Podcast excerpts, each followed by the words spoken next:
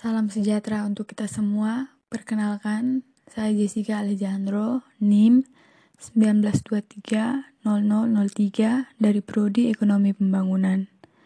Saya akan mempresentasikan tugas topik 4 dari mata kuliah Ekonomi Pedesaan dengan judul Implementasi Pembangunan Ekonomi Perdesaan di Indonesia.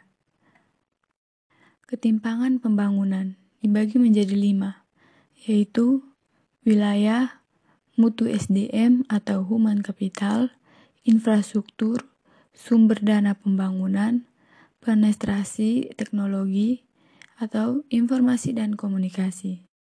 Konsep pembangunan ekonomi pedesaan. Desa adalah kesatuan masyarakat hukum yang memiliki batas-batas wilayah dan memiliki kewenangan untuk mengatur serta mengurus kepentingan masyarakat setempat yang diakui dan dihormati dalam sistem negara kesatuan Republik Indonesia. Tujuan diadakannya pembangunan ekonomi desa yakni untuk menciptakan suatu lingkungan yang memungkinkan masyarakatnya dalam menikmati kehidupan yang kreatif, sehat, dan juga memiliki angka harapan hidup yang tinggi. Untuk mewujudkan tujuan tersebut, terdapat prinsip-prinsip pembangunan ekonomi pedesaan, yaitu transparansi atau keterbukaan.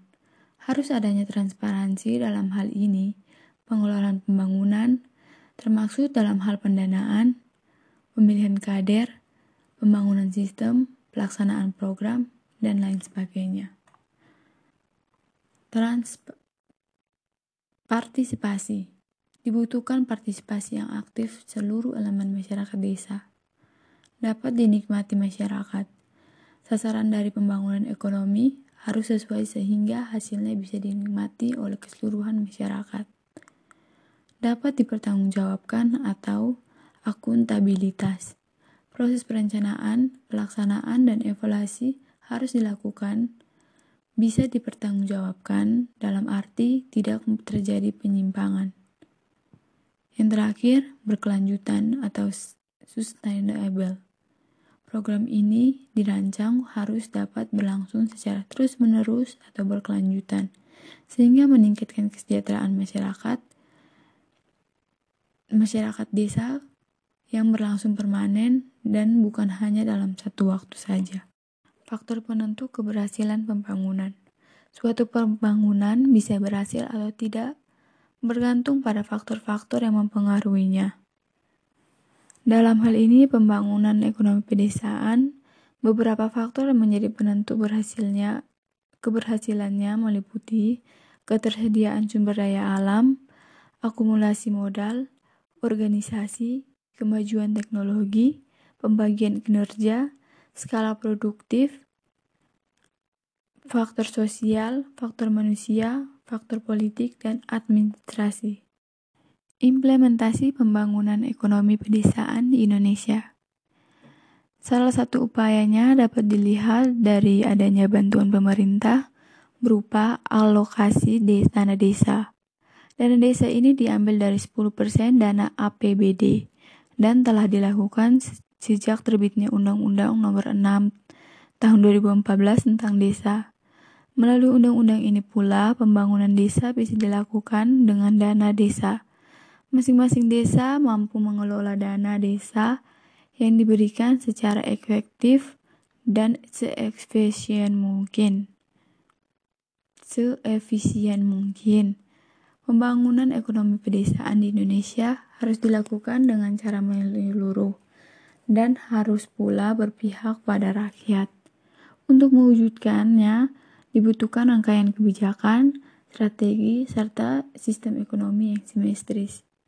Berikut ini adalah peran pemerintah seharusnya dapat diimplementasikan pembangunan ekonomi di perdesaan. Membangun jaringan menyeluruh serta pembinaan yang sifatnya berkelanjutan, terorganisir, dan tepat sasaran. Membangun lahan pertanian, perikanan, peternakan, usaha kecil dan menengah, yang disesuaikan dengan karakteristik desa masing-masing. Membangun dan memperbaiki saluran irigasi, dengan jalannya memanfaatkan alam sekitar tanpa harus merusak lingkungan.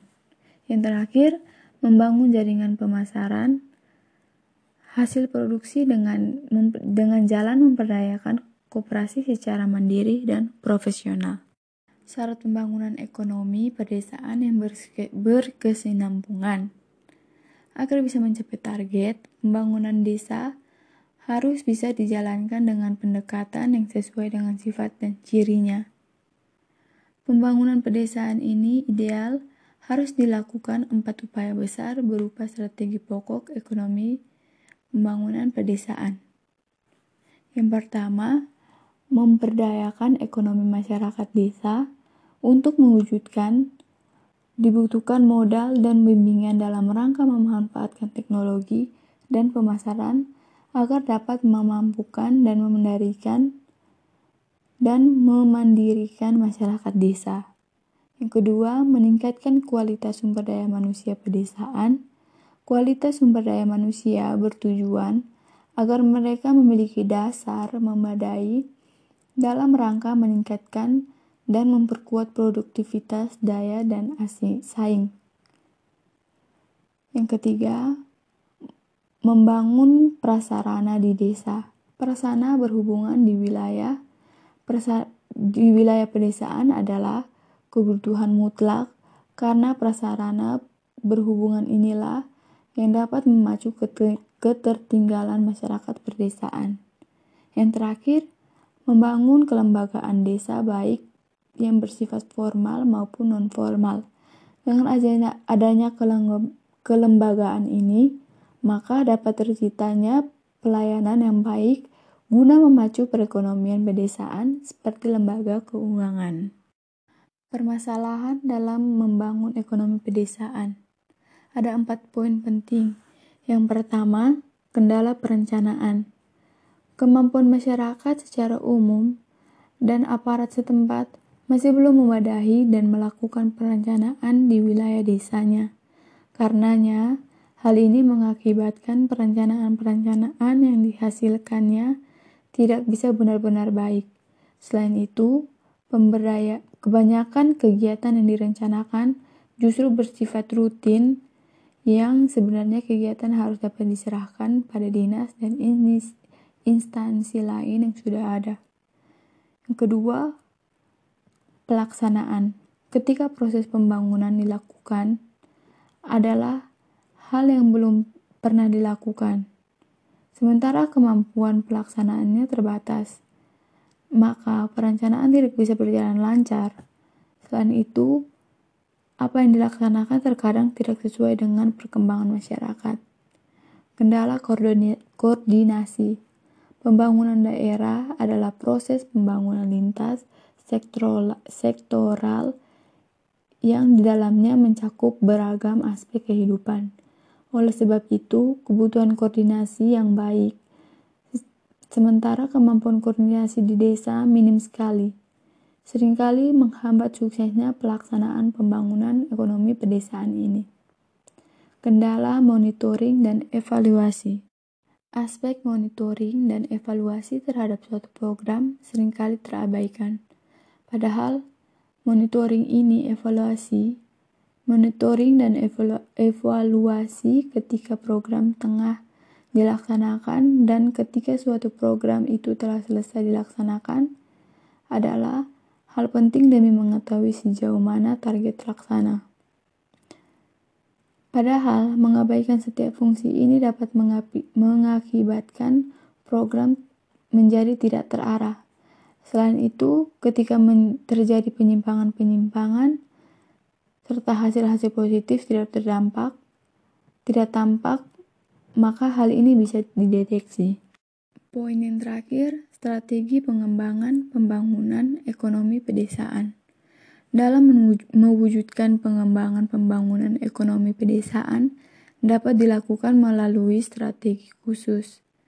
Adapun strategi pengembangan pembangunan ekonomi pedesaan dapat melalui beberapa aspek berikut. Yang pertama, strategi pertumbuhan.